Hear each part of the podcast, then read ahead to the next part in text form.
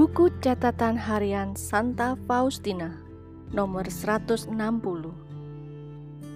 Hari Perang Salib yang diperingati pada tanggal 5 setiap bulan. Kebetulan jatuh pada Jumat pertama dalam bulan. Inilah hariku untuk tetap berjaga di hadapan Tuhan Yesus. Adalah tugasku untuk mempersembahkan doa penyilihan kepada Tuhan untuk semua pelanggaran dan tindakan tidak hormat dan untuk berdoa agar pada hari ini tidak ada dosa sakri lagi yang dilakukan. Pada hari ini, hatiku bernyala-nyala karena cinta yang istimewa untuk Ekaristi.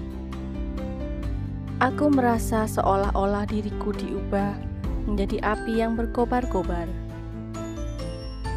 Ketika aku siap menyambut komuni kudus, ada hosti lain yang jatuh ke lengan baju si imam. Dan aku tidak tahu hosti mana yang harus kusambut. Sesudah aku ragu-ragu sejenak, imam membuat tata gerak yang tidak sabar dengan tangannya untuk menyuruhku menyambut hosti itu.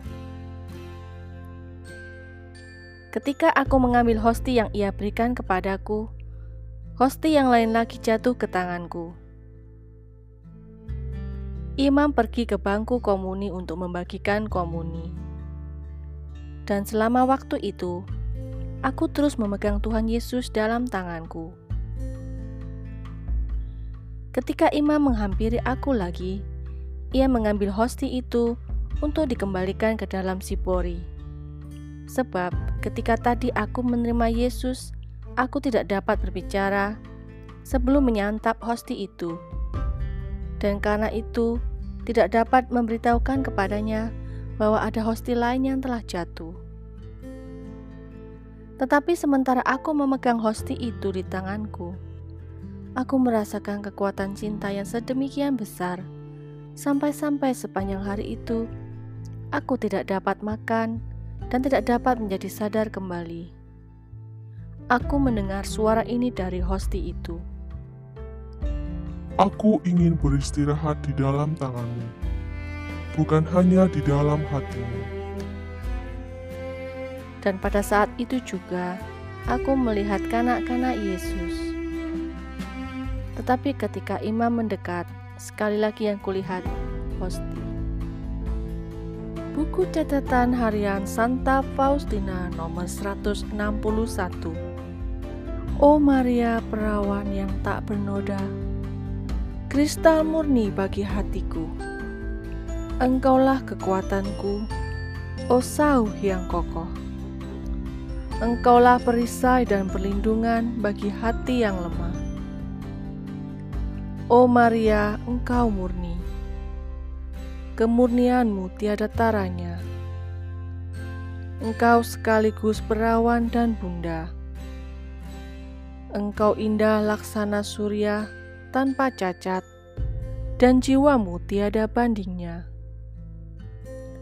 Keindahanmu mempesona mata Tritunggal yang esa, sehingga ia turun dari surga, meninggalkan tahta kekalnya, dan mengambil tubuh serta darah dari hatimu, dan selama sembilan bulan tersembunyi dalam hati seorang perawan. Oh Bunda Perawan, tak seorang pun memahami bahwa Allah yang tak terhingga telah menjadi manusia. Hanya karena kasih dan kerahimannya yang tak terselami, melalui Engkau, Bunda, kami diberi rahmat hidup bersama Dia untuk selamanya. Oh Maria, perawan bunda, dan pintu gerbang surgawi. Melalui engkau, datang keselamatan kepada kami.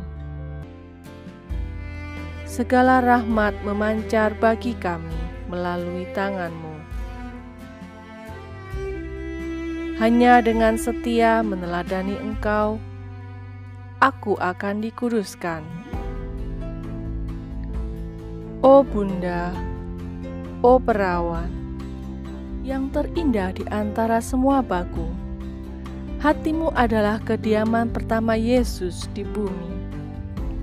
Hanya karena tidak ada kerendahan hati yang melebihi kerendahan hatimu, engkau ditinggikan melebihi paduan suara para malaikat dan semua orang kudus. O Maria, bundaku yang manis, aku memberikan kepadamu jiwaku, tubuhku, dan hatiku yang papa. Jadilah penjaga hidupku, khususnya pada saat kematian dalam perjuangan akhir. thank you